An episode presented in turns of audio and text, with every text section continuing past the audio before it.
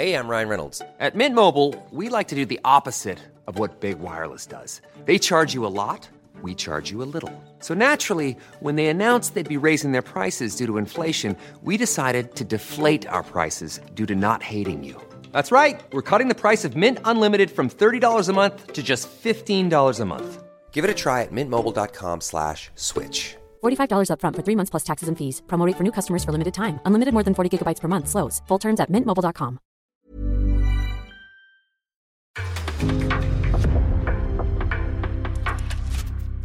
En podcast från Aftonbladet.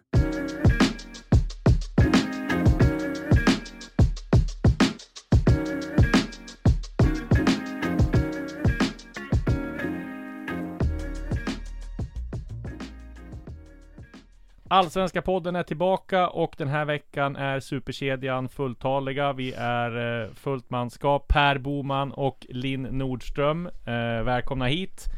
Och eh, vi går direkt på lite breaking news här. Linn, ditt avslöjande om trippel A till, tror jag, eh, tickade in här nu eh, senast. Han, eh, det kom ut från eh, Frankrike att allt är klart. Han har varit där och gjort medical. Eh, AIK bekräftade ju förhandlingarna där eh, för någon dag sedan när du skrev om det. Och ja, han går till City Football Group eh, som äger, tror jag. Och eh, de äger ju av väldigt många klubbar i världen, bland annat Manchester City då, som är flaggskeppet. Eh, tror jag. Eh, kommer att spela League 1 fotboll. Vad, vad säger vi om det? Ja vad säger du Linn? Jag måste säga jag blev, jag blev ju eh, ändå, eh, alltså jag ser ju absolut vilken råpotential potential han har och jag tycker att det är en, eh, ja men, givetvis en extremt spännande spelare men eh, jag måste säga att jag blev överraskad att, att AIK ändå kunde få den summan liksom. Jag förstår att de har mycket pengar, alltså City Football Group, att de kan, att de kan eh, vara ganska frikostiga när de, när de så att säga säkrar potential runt om i världen. Men jag blev ändå överraskad att det kunde röra sig om, om sådana summor och det är ju verkligen en, en jackpot för AIK. Nej, det måste vara en, eh, en av de eh, bästa försäljningarna som AIK har gjort. Eh, Det är väl den näst bästa va? Kristoffer Olsson gick väl för 50 miljoner, men där Mm. skulle ju eh, Ja, det var väl eh, var det, eh, Mittjylland som skulle ha 12 miljoner Just det. och eh, det var Mm. ju eh, Ja, så att nej men det här är den näst bästa får man säga och, eh, Ja, och det här är ju liksom klockrent. Kommer från akademin Är inte ordinarie. Det är ju liksom en drömförsäljning för AIK och sen är det ju så att City Fotboll, alltså tror jag som De kan ju göra sådana här grejer, det är ju därför Eh, ja men vi har sett Jesper Tollinsson gå till Lommel och sådär för ganska stora summor och de här små klubbarna har ju liksom uppbackning av City Football Group. Det är därför de kan betala så här. Och de kan ju chansa med att värva talanger. Om vi kollar på Trojas trupp så är det ju en brokig skara unga spelare och gamla spelare från alla världens hörn. Så att, äh, men det känns som jackpot för AIK. Sen, jag menar skulle inte han lyckas där så kan de ju slussa vidare han till New York City FC eller något sånt där. Och skulle han lyckas, ja då ligger ju vägen öppen för större klubbar så att äh, det känns som eh, ett ja, bra steg. Han kan ju inte tacka nej till att spela i ligan liksom. Nej, och som jag förstod det så eh, eh, var han själv väldigt eh, positiv inställd till den här övergången. Det var andra klubbar som fanns som eh, var Mm. intresserade också. Men att de la fram en väldigt klar plan för hur de eh, hur de tänkte hans Mm. eh, utvecklingsbana och sen då såklart att eh, det var en jättebra summa till hans, eh, till hans klubb. De har ju extremt eh, noggrann scouting just i den här liksom eh, City Football Group och de har ju liksom, ja de har ju data hur de går igenom spelare. De har liksom en sån ut, stor utvecklad just den biten så att de har, har ju verkligen kartlagt spelarna. Även fast de kan chansa sådär så har de en väldigt utvecklad eh, scouting-del. Så det ska bli väldigt intressant att följa hans äventyr här och Ja, för AIK känns som det var för bra för att vara sant med tanke på hur mycket pengar de behövde och vad de fick liksom. Ja, förra veckan för AIK var ju Ja. otroligt. Nej men jag tänkte också att det är klart att, alltså ingen kan ju tvivla på att den här killen har, eh, alltså spetskvaliteter som är, eh, Eh, alltså enorma på, på, eh, på en svensk nivå ändå. Men jag menar, han har ju, eh, han har ju egentligen bara visat, eh, alltså han är ju, han är egentligen till bara till 30% en seniorspelare än och, och sådär. Jag förstår att det är det som gör att man kan få extra mycket pengar just för att han fortfarande är tonåring, att han bara är 18 år gammal och så. Att eh, jag vet att det är den typen av spekulativ verksamhet som är just nu men det, det är ändå, jag menar det här är ju liknande summor som man, som, som, som Häcken fick för Wålemark och, och Ja. Hammarby fick för Svedberg liksom, Mm. som ju givetvis han visar mycket, mycket mer så att eh, på det sättet så är det ju, ja, oväntat mycket men jo, givetvis bra för AIK. Och att han var skadad också under försäsongen. Och Ja. tog ju ett tag för honom liksom att att komma, komma igång. Men eh, precis som du säger Disco så har de ju eh, räknat på detta i sina analyser och eh, kan ju kan ju betala en stor summa om de känner att det här är en spelare som verkligen har så stor potential. Och jag menar sen är det ju sån fallhöjd för att här spelar om man går till Ligue 1 och Royal. Han kan ju liksom, ja men han kan, ah, ah, i värsta, värsta fall så kan han lånas ut igen till AIK om ett år om man skulle misslyckas. Så det är ju ingen, det är ju ingen eh, liksom dålig grej heller om man är 19 år. Men, och skulle det gå dåligt då så kan han ju alltid eh, få en rejäla äventyr i klubbarna som de äger. Melbourne City FC Australien. Eh, Montevideo City, tror jag. Lommel, Mumbai City om man skulle vilja Indien. Girona Sishanshu Junji i- och Yokohama Marinas eller Palermo Ja men, och liksom bara ska inte tjata om det, men det som också gör, gör honom eh, intressant, det är inte bara att han är grym mot en och han har en fin teknik, det är ju hans storlek också. Alltså han är ju, det här är ju, det här är ju en, en, kan ju bli en, en kraftfull fysik av honom också, inte, alltså kan, jag tror att han kan vara extremt snabb samtidigt som han kan ha en, en stor power liksom, så det skulle inte förvåna mig för han blir omskolad till anfallare sen framöver, med tanke på att han har alla möjligheter att bli det också. Eller liksom släpad anfallare, vilket han även har spelat ibland, så att det, det finns ju, ja, man kan förstå varför de högg. Mm. Ja, och sen så när man pratar med den, för det var ju till med ett, något år sedan när han inte ens hade fått chansen i AIKs A-lag. Då var det ju många inom AIK som nämnde honom som nästa Isak. Även fast det kanske är lite att lägga för mycket press på hans axlar. Eh, så att nej, det ska bli intressant att följa hans eh, framsteg där. Välkomna pengar för AIK. Och även ska vi säga att AIK har ju cashat in 13, eller kommer ju casha in typ 13 miljoner. Någonstans däremellan. När Alexander Isak gick till Newcastle också så att det får man säga också var ruskigt bra. Ja, verkligen. Och sen är det ju det här med Ajari då som kom ut här och eh, Expressen eh, avslöjade att han är klar för AZ Alkmaar eh, för 45 miljoner. Eh, men det vet man inte. Alltså när vi har avslöjat grejer, alltså både John Guidetti och Trippel A så har de ju gått ut och bekräftat bud och det måste de göra. Mm. Det har de inte gjort det här med Ajari.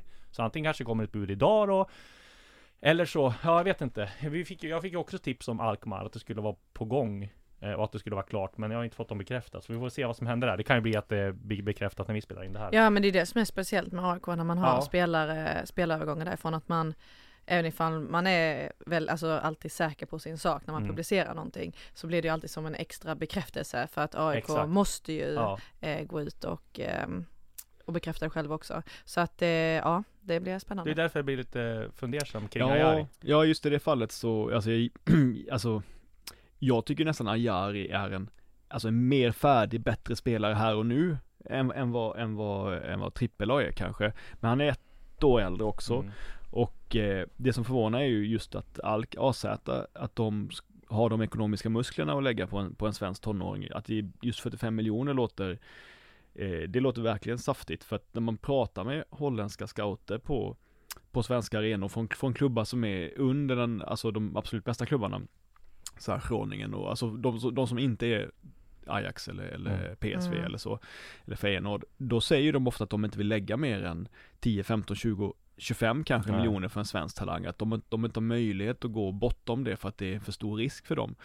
Eh, Det gjorde mig också så här, det tänkte jag oj, att de, om de lyckas få sån summa för, för honom från Ja. den klubben så låter det ju fantastiskt. Vad fick de? Paulus Abraham gick ju dit. Till Feyenoord ja. Eh, han gick väl till Groningen. Ja precis. Eh, vad- och de köpte och skrev 20 och 30 i, ja, någonting, va? 25, mellan 25 och Ja. 30 miljoner ja. Precis. Och men Då var jag, han 18. jag kollade på um, AZs senaste värvningar. Deras Ja. dyraste i år har gått för 6 miljoner euro. Och det är ju var en 24-årig etablerad kroat tror jag det var från MLS. Så, att- ja, skitsamma. Ja, vi ser. Vi kollar vad som Ja. händer med Ajari. Det vore ju onekligen spännande att se han i AZ i alla fall. Han har ju en liten spelstil så jag som pass, passar i Holland. Mm. Eh, kvick, kan göra sin gubbe. Så vi kollar där. Vi Eh, Eh, ja, vi får se vad som händer där helt enkelt. I övrigt då så har det hänt mycket kring AIK. De har träffat eh, en tränare, en portugis som heter João Henrique som har varit här i en vecka. Eh, och där så Eh, ja, pågår väl för, för eller pågår det dialog med, med honom. Eh, han har varit här länge som sagt. Märkligt att han har varit här så länge och att ingenting har hänt kan man tycka. Mm. Eh, Känns ja, som att de var tvungna att vänta in försäljningarna för att se om de har råd med honom. ja, men så kanske det är. Och att eh, jag pratade med Manuel Lindberg och han sa att de hade han träffat mellan 10 och 20 namn. Det tror jag inte alls på. Oj! Ja, han sa det. Ha, 10. Så speed dating. Jag bara 10 och 20. Nej, det, det, det tror jag inte. Och I storklubb som AIK också kan inte vara så många. Däremot så vill väl styrelsen göra en grundlig eh, grundlig liksom genomgång av kandidater och sådär. Men det tror jag måste ju nästan det eh, arbetet vet jag var ju påbörjat innan de sparkar Bartos. Det kan inte vara så här att pang, okej. Och Henok kan ju såklart ha sin sin eh, dispens i 60 dagar totalt. Men där har de ju Peter Wennberg som går in då. Han, han har ju licens och sådär. Han har varit med på Europamatcherna. Så vi får se vad som händer där. Spännande i alla fall med AIKs eh, eh, tränarjakt. Och Men vad tror ni om, alltså om det skulle komma in en, en portugis i AIK, vad, vad ger Ja. känslan att få in liksom en, en, en utländsk eh, kraft? Ah, Jag skulle tro att det är ett slags sätt i så fall att bryta sig loss från eh, den här eh, Svenska modellen. Ja eller AIK-modellen till och med, att man, att man är så, varit så eh, fokuserade på att man ska ha någon som, eh, ja, starttecken kan klubben liksom och vet hur det är att jobba i AIK och Mm. så, att man, att det finns ett behov kanske att bryta rakt av med det då. Eh, sen så, eh, ja, som sagt det lär ju inte vara 10-20 tränare de har träffat, men det lär ju åtminstone vara ett, ett, en handfull som är aktuella, så att eh, Eh, det, det, ja, det är ju verkligen ett brott mot traditionen som hade varit eh, spännande men eh, helt omöjligt att veta om han är rätt namn eller inte. Nej, det känns som en utländsk tränare kan det gå hur som helst. Mm. Och det, man, man ska erkänna att man har noll koll på honom. Men däremot så har jag kollat upp lite grann. Han har tränat Cristiano Ronaldo. För Mhm. Han har varit ungdomstränare för länge, länge sedan i Sporting Lissabons ungdomslag. Så jag Okej. tror om min information är rätt så har han haft honom som väldigt ung. Men innan vi, innan vi släpper, vad tror ni AIK är ute efter då för, för tränare? Precis som många andra klubbar att de vill ha en spel, en tränare som Spelande tränare? Ja precis. En eh, tränare som eh, är bra på att utveckla unga spelare där de sitter väldigt hög eh, liksom eh, prio på det och så att de kunna, kunna sälja vidare. Och Just dels det. som har Mm. internationell erfarenhet tror jag de kollar efter nu. Kanske inte att det är prio men de vill gärna ha det. Mm. Sen är det nog kanske svårt att hitta någon sån men ja. Nej jag tror men Kan det då- bli svårt för, för Sebo Lustig att få en sån tränare? Eh, nej, men jag tror att det är svårt för AIK, en klubb som AIK. Jag tror att det är, det är, är, är ju ehm, intressant att ha den satsningen, men att, att, att ha som krav att man ska eh, utmana om guldet i princip varje säsong och samtidigt spela in ännu fler unga spelare än man, än man redan gör. Det är en, det är en väldigt svår balansgång att, eh, att lyckas med det. Så att eh, eh, det, det blir tufft jobb för den som ska ha både resultat och eh, utveckling, inte bara av spelet utan även av fler unga spelare per säsong. Det, är- det är en utmaning som heter duga, men det, Men sen tror jag jag de tar med hänsyn till liksom spelare i truppen att, att det blir svårt för Sebbe och Lustig att få en sån tränare. Jag menar Sebbe och Lustig har väl kanske max ett år kvar om de förlänger. Så jag tror mer de tittar långsiktigt och de tittar på liksom vad som är bäst. Ja, och, och ta in i framtiden. Och de har ju, jag vet att de har snackat om Daniel Bäckström, de har snackat om Rydström och sådär. Men det gör ju alla klubbar. Mm. Så att eh, vi får se vad som händer där. Mm. Eh, spännande i alla fall. Joao Henriquez får vi se. Som han var aktuell för Malmö en gång i tiden också. Eh, kommer jag ihåg. Mhm. Eh, det sista silver då. IFK Göteborg har sålt Kevin Jakob till Århus för 2 miljoner. Eh, ja, eh, om inte han vill förlänga så var de ju tvungen att casha in. Då fick de ju 2 miljoner som kollega Marcus Vulkan skrev här. De har sålt Jallow till Brescia och Ja, det känns ju som att i, i det här läget var Göteborg att de behövde göra en del försäljningar och det har de gjort nu och har ju en väldigt stabil grund att stå på tycker jag. Jag tycker har fått in ett lugn i föreningen med Håkan Mild som klubbdirektör, Micke Stare som tränare och ja, eh, de har något bra att bygga vidare på även fast de kanske inte kommer topp tre i år. Nej, nej, nej, alltså jag tycker att det är en, jag kan, inte säga enorm framgång, men det är en stor framgång om de skulle plocka, ja, en femte eller sjätte plats i Verkligen. tabellen. Eh, Det hade varit eh, en mycket bra grund på att stå på inför, inför kommande säsong och mycket bättre än vad jag trodde. eh, Att, eh, att man även, att man skulle, om de levererar både resultatmässigt och prestationsmässigt som de har gjort nu efter sommaren så är jag mycket imponerad i alla fall. Ni kommer direkt från, eller direkt från, ni var, ni Näst, det var, känns nästan Ni så. var på derbyt, eller derbyt, ni var på Djurgården-Elfsborg igår kväll som slutade 2-1 till Djurgården. Ännu en meriterande seger för Djurgården som bara mar på. Linn, vad är din, dina tankar om den matchen? Ja det var ju grinigt. Eh, Alltså det, sen blir jag också lite trött på mig själv som använder det ordet. Eller vad tycker du Boman? Alltså kan man, det var som att Elfsborgsspelarna också var så här, det var inte så jävla grinigt. Alltså det var så som en fotbollsmatch ska spelas. Eh, det delades ut rätt mycket gula kort, det var inget rött kort. Eh, men eh, det var en väldigt, eh, det var en intensiv match. Och man märker det när man, jag lajvar den matchen och då får man ju, man kan ju inte slappna av en sekund för det händer saker hela, hela tiden. Eh, och sen så eh, min spaning ifrån den matchen var att eh, jag menar att Djurgården vinner matcher trots att man tänker att de ska vara trötta eller att de ska liksom verkligen. vara slutkörda efter. Man förstod att det var en rejäl fest efter eh, avancemanget. Det Mm. var ju ingenting som någon spelare heller ville sticka under stolen med. Nej. Sen var ju då eh, Hjalmar som gjorde mål sa med att de hade fått sex dagars ledigt och det var ju mer än han hade fått på hela sommaren. Mm. Så att de var väl också eh, pigga i, i benen. Men eh, Edvardsen var rätt så eh, blek och eh, gick in och mixade eh, efteråt utan att eh, stanna. Inte för att man, jag försökte stanna honom heller men han gick och då kände jag att eh, när man såg eh, Europamatchen senast att han kommer till sin rätt mera i sådana matcher när Djurgården inte är så eh, stängda i hur de vill spela. Att när de spelar den här matchen på Cypern så kan han göra lite mer som han vill för att det blir lite lösare i Djurgårdens system. Det känns som att eh, tränarduon också tillåter det. Mm. Men medan som, som igår då så, eh, så blev han eh, ganska blek och så här vågade ju inte utmana Holmén till exempel och då frågade jag ju dig eh, då som expert varför, varför springer han inte på här?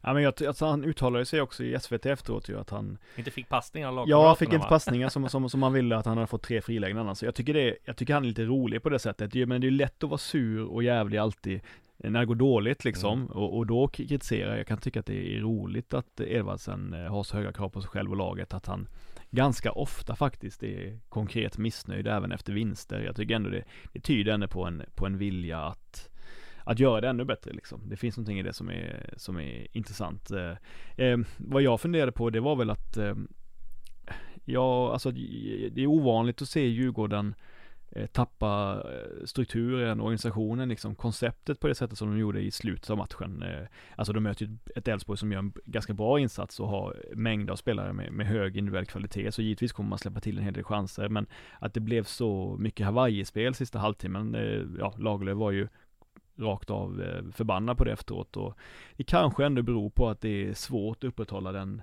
så att säga, mentala anspänningen så mycket, att, att hela tiden vara att hela tiden vara eh, på topp vad, vad gäller det liksom, att då kan det väl helt enkelt bli så att även fall benen kan ju inte vara så eh, döda efter de har haft en hel del vila efter matchen mot eh, Apoel, de har haft som du sa 5-6 dagar, så, så kan det vara så att den mentala anspänningen av att hela tiden vara på topp gör att man har svårt att upp, upprätthålla den här eh, nödvändiga organisationen under en hel match. Så att det blev lite för spännande mot slutet, absolut. Men de vinner ju och det är imponerande. Men de var ju inte på topp mot Apoel heller. Alltså i, i bortamötet då var det också eh, Ja. osäkert och osäkra ingripanden från både försvar och ifrån, ifrån målvakt. Men jag tror att det beror mycket på att de var lite svajiga där i, nu känns det som vi är för negativa när Djurgården bara hångar på men Jag menar Isak Hiens, att han försvann Det är klart att det är en mitt, en ordinarie mittback som spelar hela tiden och så ska de in Men Marcus Danielsson som kanske, som erkänner själv att han är lite ringrostig Det är klart att det blir lite Då kan det ju bli lite ringrostigt sådär på slutet Men eh,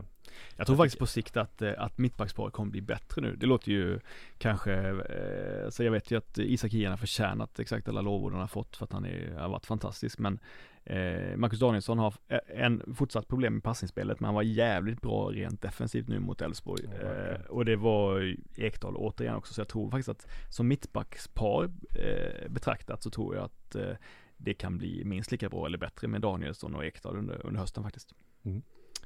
Om vi går till derbyt då så var du och jag där Boman och det kändes som AIK hade inte kunnat fått en bättre start än när de får John Guidetti som gör mål framför Norra Stå eh, Eh, efter eh, en minut typ. Och, men de kunde liksom inte eh, ta tillvara på det där momentumet. De föll tillbaka, tog ledningen en gång till men det blev 2-2.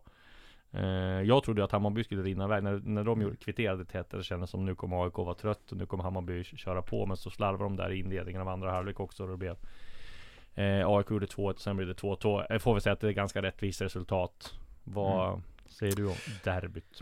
Jag tycker väl ändå att Bayern är totalt sett något bättre än vad AIK är i matchen. Alltså Hammarby är av naturliga skäl ett mycket mer med färdigt lag, mer sammansatt lag. Eh, kan styra matcherna mer på, på egna villkor än vad, än vad det här brandskattade AIK kan göra. Alltså, som, som AIK hade ju kommit in i derbyt med eh, alltså extremt dåliga förutsättningar med sjukdomar, skador. Eh, rostiga spelare. Det var matförgiftning på Nabil Bahoui. Precis. Det var Ayari som gick sönder, eller ljumsken precis. Och sen hade de bara fått gå på träningen för att de var så slitna. Så, Ja, och Milosevic borta sedan tidigare Ja, och liksom ja. Det är andra matförgiftningen i AIK. ja, vad äter de där på Karlberg Nej men han, han berättade efteråt, Nabil Bahoui, att han hade ätit hemma. Så att det var inte någonting med laget. Nej, Men, men, eh, nej men alltså jag menar bara att det är på ett sätt är det ju helt imponerande och givetvis så att AIK lyckas eh, De får liksom kämpa för sina liv och tömma tanken totalt för att hålla jämna steg med Bayern i den här matchen, anser jag. Medan Hammarby eh, gör inte de gör inte en av sina bästa matcher den här säsongen, men jag tycker ändå att de har en sån trygghet i sitt spel som imponerar. Och alla, jag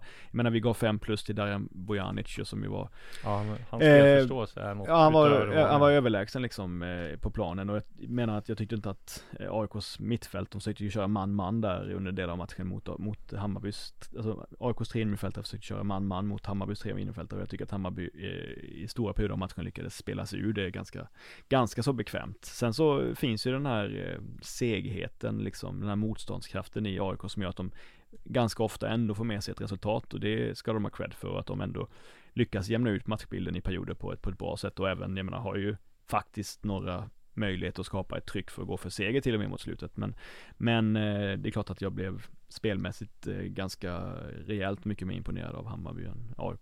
Är ni överraskade över hur, hur viktig eh, Berisha har blivit i Hammarby under så, på så kort tid? Nej, jag tyckte han var, jag tyckte han var helt osynlig. Men alltså han, han gör ju sina, vad heter det, han gör ju sina Mål. Jaha, precis. Och det var det som var så imponerande. Jag sa det till Bank. Att man hade knappt rört, hade rört bollen när han gjorde det där målet. Sen kom jag, och jag är inte förvånad över att han är så viktig. De betalade mycket pengar och sådär. Men han... Hur mycket pengar var det? Ja, de betalade ju 15 miljoner för honom och sen fick han väl 10 miljoner i sign-on tror jag. Eh, så det var ju alltså Hammarbys dyraste värvning någonsin måste det ha varit. Absolut. Så att eh, men man visste ju vad man fick också. Han har vunnit han vann väl skytteligan Norge förra året av öst in mål. Men jag, jag pratade också med Bank om det, jag tycker kanske att han var lite Bättre mer än vad jag sa. Ja, alltså men, men, men, men Bank eh, höll med dig också om det, men jag, jag tycker nog ändå att han under hela matchen gör mm, liksom eh, det svåra är enkelt på något sätt. Han är otaliga tillfällen som han bröstar ner, han får en ganska svår boll som han försöker brösta ner till lagkamrat som kommer, Ja. alltså jag tycker han gör det här targetspelet bra och jag pratade med Nahi Besara och Darijan Bojanic inför derbyt som liksom hyllar ändå hans rena, enkla, tydliga targetspel som center. Liksom att han är, att han är flexibel, han kan gå i djupled, han kan möta.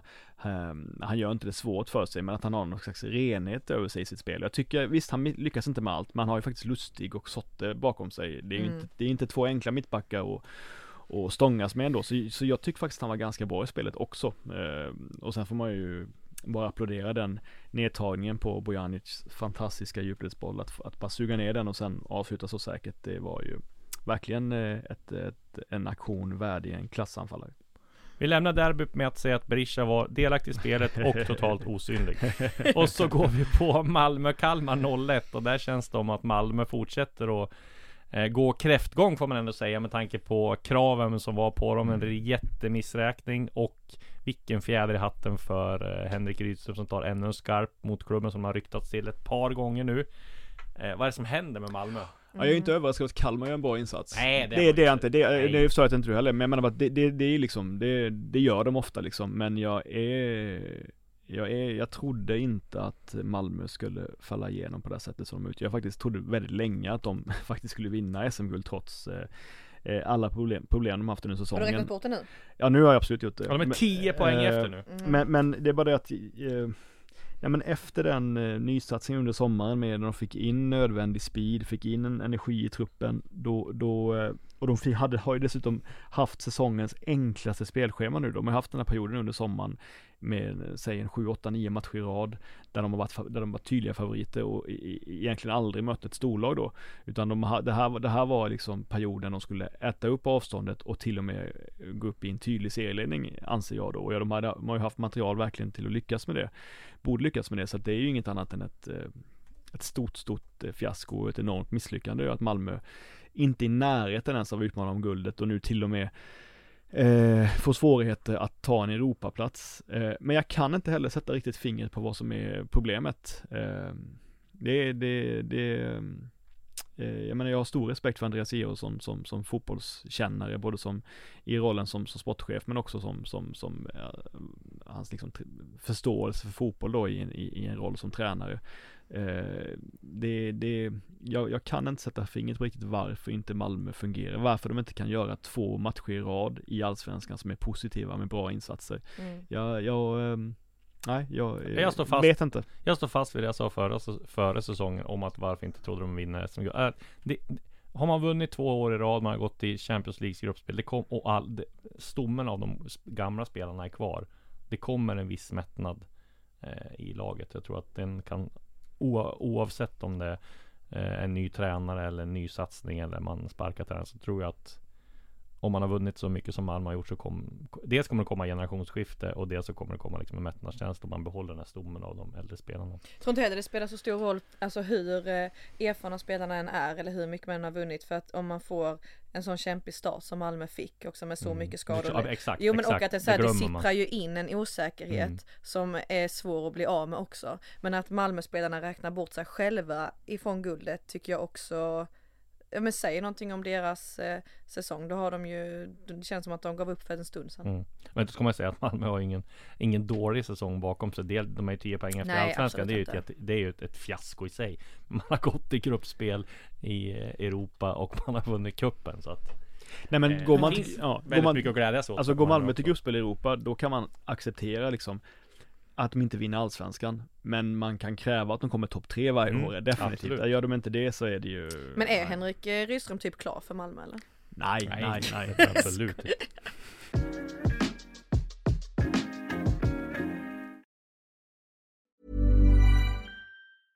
Ryan Reynolds here from Mint Mobile. With the price of just about everything going up during inflation, we thought we'd bring our prices down. So to help us, we brought in a reverse auctioneer, which is apparently a thing. Mint Mobile unlimited premium wireless. Ready to get 30, 30, bit to get 30, bit to get 20, 20, 20, bit to get 20, 20, bit to get 15, 15, 15, 15 just 15 bucks a month. So, Give it a try at mintmobile.com/switch. slash $45 up front for 3 months plus taxes and fees. Promo for new customers for limited time. Unlimited more than 40 gigabytes per month slows. Full terms at mintmobile.com. Eh, däremot, eh, det är ju faktiskt intressant att se på tabellen. Man tycker att Göteborg då som var så utskälld av många experter innan säsongen mm. och kanske i början av säsongen också. De är alltså en poäng efter Malmö, de är sexa med 33 poäng. Eh, men sen då, det, tycker, det är imponerande. Men det, man måste ändå ge en eloge till Andreas Brännström också. Mjällby har alltså 31 poäng, de är två poäng efter Kalmar, Göteborg och tre poäng efter Malmö. Så att, eh, alltså Brännström är ju absolut en kandidat till årets tränare så här långt tycker jag. Ja, jag håller med och det är ju eh, jag visste inte att han hade det. Inför säsongen så var jag ju rätt orolig till, kring Mjällby. De har tappat så många spelare, stora delar av eh, startelvan och eh, jag hade en uppfattning efter det jag sett honom göra i J Söder att han skulle spela en annan, att han egentligen ville spela en annan fotboll än vad Mjällby traditionellt har gjort. Mm. Men då sa han ju tydligt att han skulle anpassa sig till Mjällby och då var jag en av de som var fundersam kring om att hans styrkor som tränare kanske skulle försvinna då. Men det, så var det ju definitivt inte utan han, han har ju vidareutvecklat det som Torstensson gjorde så bra förra hösten i Mjällby och det som, det som Lantz gjort tidigare och, och eh, har visat att man kan spela en, eh, vad ska vi kalla det, en intressant shape-fotboll som är, mm. som är, som är eh, ibland låg men samtidigt aggressiv. Jag menar det är ett vidrigt lag att möta Mjällby samtidigt ja. som de har eh, en del, en del eh, kompetens även offensivt. Men jag menar de gör ju extremt mycket av lite offensivt och har gjort det hela säsongen och det det, fortsätter man göra det hela tiden så måste ju det tyda på en, liksom en systematik att man, att man, att man, eh, att man gör rätt saker. Det handlar, det är ju inte slump eller tur då, utan det, det är ju att de är väldigt skickliga helt enkelt. Och att de klarar sig så länge utan eh, Jakob Bergström. Att ja. eh, de ändå blev av med så mm. viktig spelare. Mm. Så tidigt på säsongen men ändå, ändå har eh, klarat sig så extremt bra. Ja och konsekvent hela året också varit den klubben som har spelat med ja. flest tonåringar också. Jag tänker med, med, med, med Rosengren, Noah Persson och Silas då som ju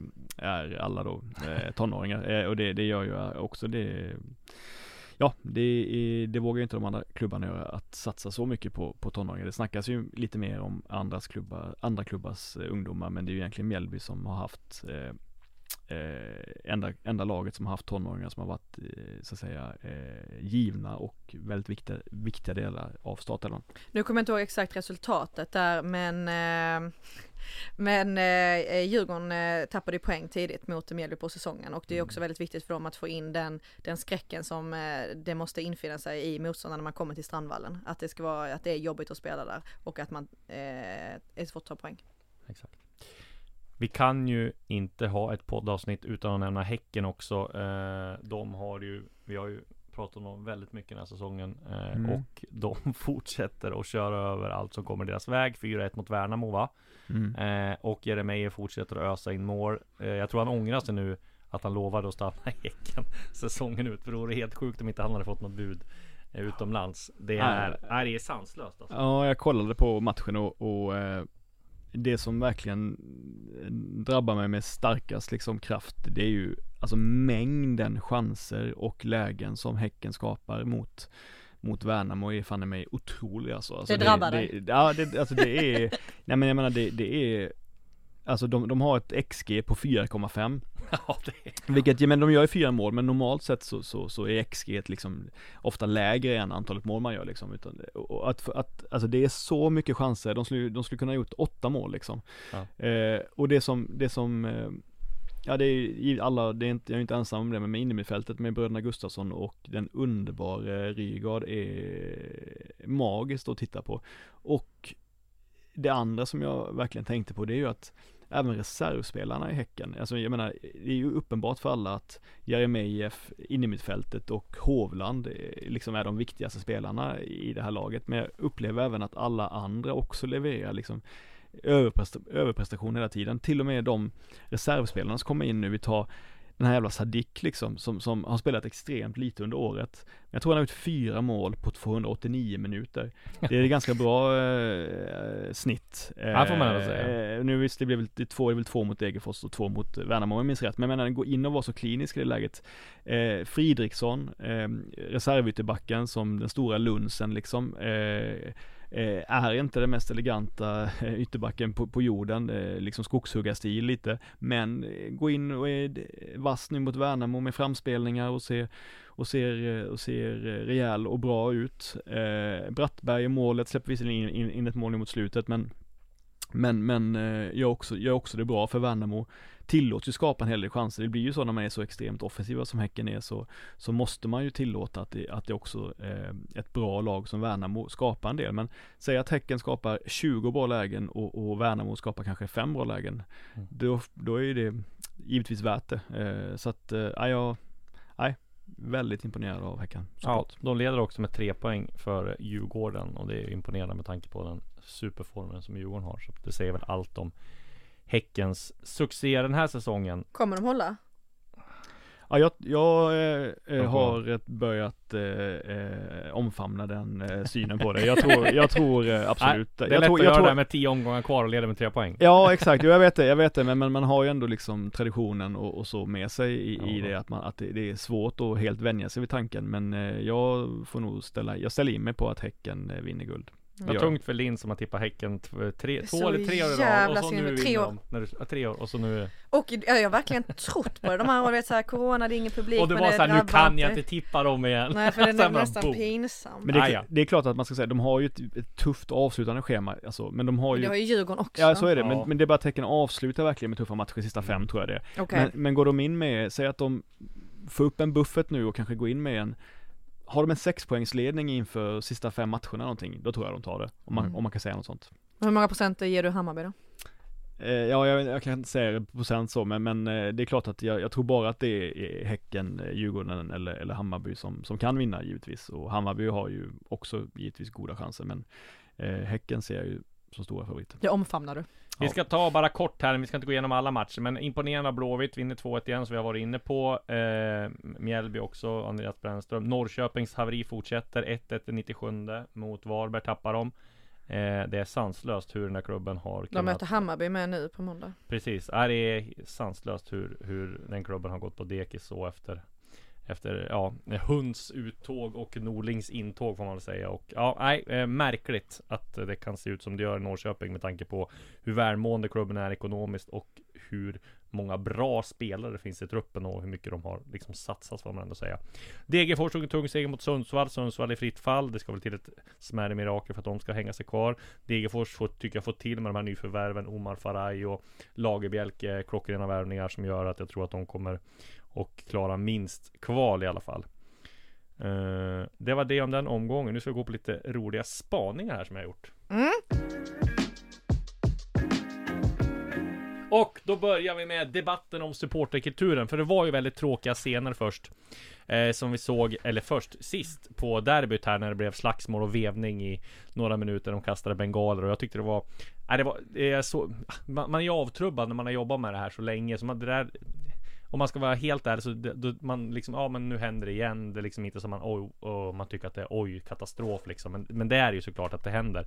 Och, och det är ju eh, familjer och barn som blir drabbade av det här. Och, men däremot eh, så blev man ju lite eh, beklämd. Man fick nästan så här obehagskänsla när man såg, för Discovery hade lagt ut så här klipp. Då ser man alltså en pappa Eh, som ska gå in, alltså han måste ju vara 40-50 som ska, ska, gå in och veva. Och hans son står liksom och håller honom tillbaka för Nej men pappa gå inte här, vi måste gå tillbaka. Och pappan bara liksom, nej men lugna lugna liksom. Det var sjukt att se. Eh, Och det är klart att det är ju trist att det händer igen Men det är väl inte första och sista gången. Däremot så såg jag en debatt, man ska inte skratta men, åt det här Men just debatten var lite rolig mellan eh, Thomas Wilbacher som tycker väldigt mycket om eh, som person, han är eh, grym Och så Robert Laud också, som också är en väldigt bra person. Men det blev lite Jerry Springer över det hela när de satt och debatterade eh, i Efter fem. Det var Laul satt i någon grön, så det som en Vägverket täckjacka och Wilbacher satt i bilen. Och jag, jag är väl någonstans mitt emellan dem sådär och jag håller väl inte med någon av dem helt. Var det Anna Brolin som höll Ja, det var Anna uh. Och det blev lite Jerry Springer om det och ja Eh, de hade väl inte, det var väl inte någon eh, liksom, eh, ja, de är ju såklart motpoler i det här hela eh, supporterkulturen och eh, ja, eh, eh, slagsmål på läktarna och sådär. Vad, vad säger du Boman när du såg eh, debatten? Ja, jag håller, ju, måste säga att jag håller med Laul i det här eh, fallet. Eh, ja, men jag har tänkt mycket på hela den här frågan och, och förr sa man ju saker som typ låt dem slåss med varandra så länge det inte är inne på arenan liksom. De får mm. köra i en grusgrop, låt, låt det vara liksom. Och ja, det var väl, det är väl svårt att stoppa den typen av, av fighter liksom. Men nu finns det alltså någon typ av linje i debatten som handlar om att man måste acceptera eller förstå att passionen på läktarna ibland kan mynna ut i även slagsmål på läktarna. Eh, för det första så, så, så tror inte jag att det är sant, utan jag tror att det kan vara röjigt, hetskt eh, och stökigt utan att folk faktiskt spöar varandra. Mm.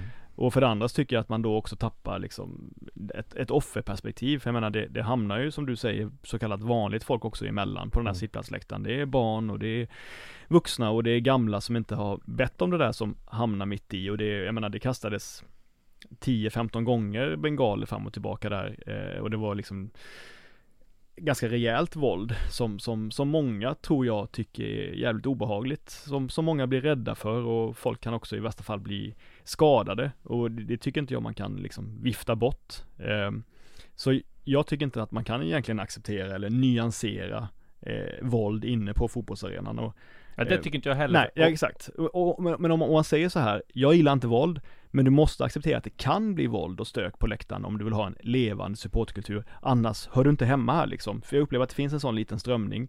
Eh, och har man en, stå, står man för det så tycker jag att man tar en ganska sekteristisk och faktiskt elitistisk position. Eh, att man som mm, typ minoritet dikterar hur det ska vara att gå på fotboll i Sverige.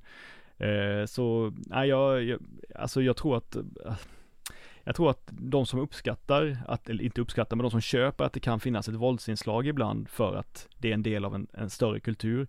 Jag tror att man underskattar vilken splittrande effekt det kan få på supportkollektivet som, som helhet och jag tror att det är ett stort misstag att liksom inkludera våldsanvändare som, våldsanvändande som ett legitimt exempel på vad ett supporterskap, supporterskap kan vara. För att jag tror att det är en ganska liten grupp som tycker det egentligen. Mm. Så att, äh, jag, jag, fan, jag måste säga att jag blev, illa berörd när det var ett sånt stort slagsmål inne på arenan. Ja, och det när det var Svenska cupen-finalen så, kunde, så var det ju också eh, bengalkastning och att de stormade planen mm. efteråt. Men då var det som att eh, polisen kunde stänga ner det snabbt, att mm. man var mer eller det är klart att, man, det, att de var förberedda inför den här matchen, att det är en högriskmatch på alla sätt och vis. Men hur uppfattade ni det på, på plats kring hur polisen agerade? Nej men det var väl Ja. ganska snabbt. Man förstår att de inte kan bara springa dit när det är sådär Men jag tyckte det väl sköttes hyfsat bra i alla fall. Men det jag skulle säga, det är min först, eh, största take på det hela Det är att fotbollen ska vara till för alla. Och eh, även liksom eh, min mamma och pappa är supportrar lika mycket som den här hardcore-supporten Som står på Norra Stå är supportrar och, och eh, Alltså familjen i Barbara är också supportrar. Och jag menar att om det finns supportrar som slåss på läktaren som gör att eh, barnfamiljer och eh, andra supportrar inte går på fotboll för att de inte vill gå för att det kan bli slagsmål. Då är man helt fel ute. Då, exkluder, då exkluderar man från fotbollen. Fotboll ska vara till för alla. Så är det. Det är min take på det hela. Eh, vi kommer få återkomma till den här frågan tror jag flera gånger. För jag tror som sagt det är inte sista gången vi har den här rabatten. Inte sista gången det kommer vara stök på läktaren. Vad sa spelarna om det då bara snabbt efter, eh, efter matchen? Nej, men John Guidetti var väl ganska bestämd och sa att jag vill inte att mina barn ser det här liksom och så var det väl. Ja, Eh, nej, det men var de, de, det, det hamnar ju i en knepig situation som spelare för man vill ju inte Vill ju i grunden inte fördöma dem som, som stöttar klubben och som alltid Nästan alltid innebär ett bra support liksom för, för spelarna men Folk var väl tydliga med att eh, det var jäkligt bra och kul stämning under 90 minuter under matchen Bra tifon, eh, 45 000 eh, Enormt kul med, med den folkfesten men att, eh, att det inte är okej att slåss på arenan var väl det som jag upplevde var Ja, spelarnas Alltså. Emanuel Lindberg, VD för AIK, sa ju också liksom att det var totalt oacceptabelt och det är väl eh, en eh, ja, åsikt som han har. Nu ska vi gå till en lite lättare spaning här. Det var en tung spaning det där. Eh, Bosse Anderssons Gant-skjorta, blå. Hur många har han egentligen? Jag, så, jag har sett han i eh, Discovery med en blå Jag har sett han i Discovery med en, en ljus eh, Gant-skjorta Jag såg han på något klipp som Oskar Månsson la ut för något redaktionsmöte på Fotboll Stockholm när han kom förbi med cykel. Han också Gant-skjorta Han måste ju vara sponsrad av Gant Om inte annat så borde de alltså sponsra han nu med tanke på hur bra reklam han har gjort. Han har varit med och i vår eh, direktsändning eh, från Cypern, eller från. Cypern, då hade han också Gant-skjorta eh, Så att vi måste reda ut det där. Alltså det är ju en fin skjorta han har Men vi måste reda ut hur många Gant-skjortor har han? Och eh, ja Man undrar ju med ifall de köps i samma nyans Ja. men sen att de tvättas till, att bli ja. en, för att han köper dem antagligen då i mörk denim. Ja. Det, det känns som utgångspunkten. Och sen så kanske den då genom åren Blir gen- ljus denim. Exakt och det är ju smart att köpa någonting Mm. i denim för man vet ju inte heller vilken slitning det, alltså jeanset ska ha. Exakt Så att det, men eh, det känns väl som att eh, Det här måste vi reda ut Ja Någon ska det reda känns ut ju som att eh, Bosse ändå eh, har en rätt så bra klädbudget. Ja, det känns det Ja, jag har haft samma kläder sedan typ högstadiet så att jag, eh, jag är fel person att Du fråga har ju om köpt mode. ny keps nu, sitter Ja, med här inne det är ju. sant. ja. Och inga shorts Turist, nu är det för kallt. Tredje spaningen, det är ju att Malmö FF har ju varit i eh, Europa-gruppspel och Champions League väldigt ofta de här senaste åren. De har cashat in väldigt mycket pengar. Drar en parallell till, men de värvar ju fortfarande inte spelare för säg 20 miljoner eller 10 eller 15 miljoner. Det hör ju absolut inte till vanligheten att betala den form av övergångssummor. Utan här är det mer att man värvar in Kiese Thelin som kommer som bossman efter att ha brutit kontrakt, ge honom 18 miljoner i, i sign-on och sen, ja, Boja Turay samma sak där, bryter kontrakt, får en stor sign-on och sådär. Så det är väldigt sällsynt att Malmö eh, och framförallt andra klubbar också, Hammarby som vi var inne på, Berisha för 15 miljoner, värva klubbar för över 10-15 miljoner. Det är extremt sällsynt. Lite annat mot för Bodø Glimt som har varit i Europaspel en eller två gånger sam- samtidigt. I den här säsongen, alltså inför nu, har de värvat Albert Grönbäck för 35 miljoner kronor och Patrik Berg från Lans för 45 miljoner kronor. Alltså nästan 80 miljoner har de värvat i övergångssumma på två spelare. Så det är lite skillnad Ja, det är verkligen i att- cashen i Norge och i Sverige fortfarande. Ja men det är verkligen att spänna bågen också ju, som, Ja. som, som ändå Trots allt är de fortfarande, fortfarande på något plan en, en utmanarklubb liksom så att det Det hänger mycket då på att man har valt rätt spelare men de har ju varit eh, sensationellt bra på att scouta tidigare så att eh, om det är någon klubb man, man ändå får lita på att de, att de väljer rätt namn så är det ju Bodø Glimt men Mm. det är ju en, en, en risk, en stor risk man tar men eh, Ja, det är ju underhållande att se att, att, att de vågar satsa högt Och det gör man också efter att ha missat Champions League gruppspel i, på, efter förlängning och ska spela i Europa League. Så att eh, eh, där liksom var det inte eh, ja, avgörande om de skulle gå till Champions League. Det är bra mycket mer pengar. Eh, ja, med den spaningen, om vi inte har något annat så avslutar vi där och har vi något mer? Eh, Jag har en, jag har en liten spaning. Ja, men bra. Kör! Eh, en Jimmy Tillin spaning. Ja, Eh, att vi måste ändå, det är 11 matcher nu utan, utan seger. ja. Och att det är, Ja men att det finns eh, en, eh, en vilja hos eh, ganska många att omfamna att Jimmy Tillin ska vara kvar i Elfsborg och vad ni tycker om det. Nej, det här har jag sagt i flera poddavsnitt nu att hade jag varit Stefan Andreasson, som jag vet avgudar Jimmy Tillin, så hade jag sparkat Jimmy Tillin för ett år sedan.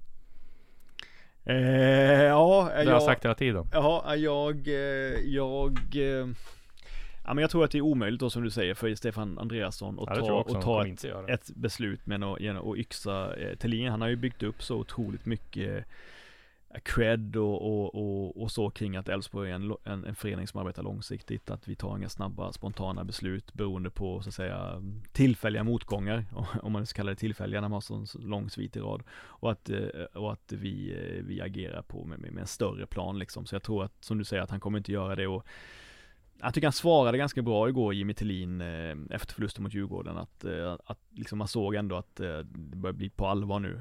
Man hörde det på hans röst och man, på hans resonemang att, att det här, mm, ja han sa vi måste helt enkelt, helt enkelt få en bra avslutning nu. Alltså att det, det går inte att hänvisa till, en- till så att säga en utvecklingsperiod eller så längre kanske, utan att man måste också bättra på resultaten under hösten och det tycker jag ändå var rimligt. Så att, jag, jag kan köpa att han åtminstone får säsongen ut i alla fall. Men litar du på spelarna som sa till oss igår eh, Per att eh, spelartruppen har förtroende för honom? Ehm, Jag tror inte att hela spelartruppen Nej, har det. Jag tror att det är många spelare som vill ha, få till en förändring. ja, eh, Däremot tror jag inte kanske det är majoriteten. Jag nej, tror att nej exakt. många vill ha till en förändring. Det har ju varit missnöje ska det sägas också Mm. tidigare med Jimmy Thelin för två, tre år sedan. Eh, Där han liksom, där, spelarna, vet de äldre spelarna fick gå ner. Han har, kör det här med periodisering. Mm. Och det vet jag att eh, flera spelare liksom gick ner och tjuvtränade i gymmet för att de tyckte att det var för, för lite träning och sådär. Så att, ja. Det, det har väl gått i perioder där, men nu känns det som de har en, alltså jag, tror, mer att, jag tror mer att de unga spelarna, Elfsborg är liksom eh, väldigt byggt på unga spelare. Eh, och de tror jag har en annan approach till hans tränarstil än vad till exempel Kevin Styr Ellegård hade. Kanske än vad Samuel, Samuel Holmén hade och, och sånt där som var tidigare. Så jag tror att på det viset hade det varit en mer rutinerad spelartrupp så tror jag kanske att han hade varit fått mer press på sig än och, och, och, och liksom att, eller Stefan Andreasson hade fått mer press på sig att sparka honom än vad jag tror det är nu. Och, eh, men som vi säger, det var tydligt, jag tycker alltså de har underpresterat grovt givet vilken trupp de har. Alltså Elfsborg har en väldigt bra trupp den här säsongen, eh, med få svagheter och dessutom, så att säga, bra uppsättningsspelare på nästan dubbel uppsätt, uppsättningsspelare på, på många positioner i startelvan. Så att han har absolut underpresterat grovt, men jag tror också att det finns en stor möjlighet för Jimmy Thelin att, att eh, nästa år komma trea eller fyra igen liksom. Så att eh, eh jag kan förstå att man ändå avvaktar innan man, innan man gör, eh, innan man tar bort honom. Ja, men Elfsborg är inte kända för att sparka tränare heller och inte kända för att ta drastiska beslut. Linns spaning om Jimmy Tillin blir det sista i den här podden. Vi är tillbaka nästa vecka med ett fullspäckat avsnitt. Tack för idag.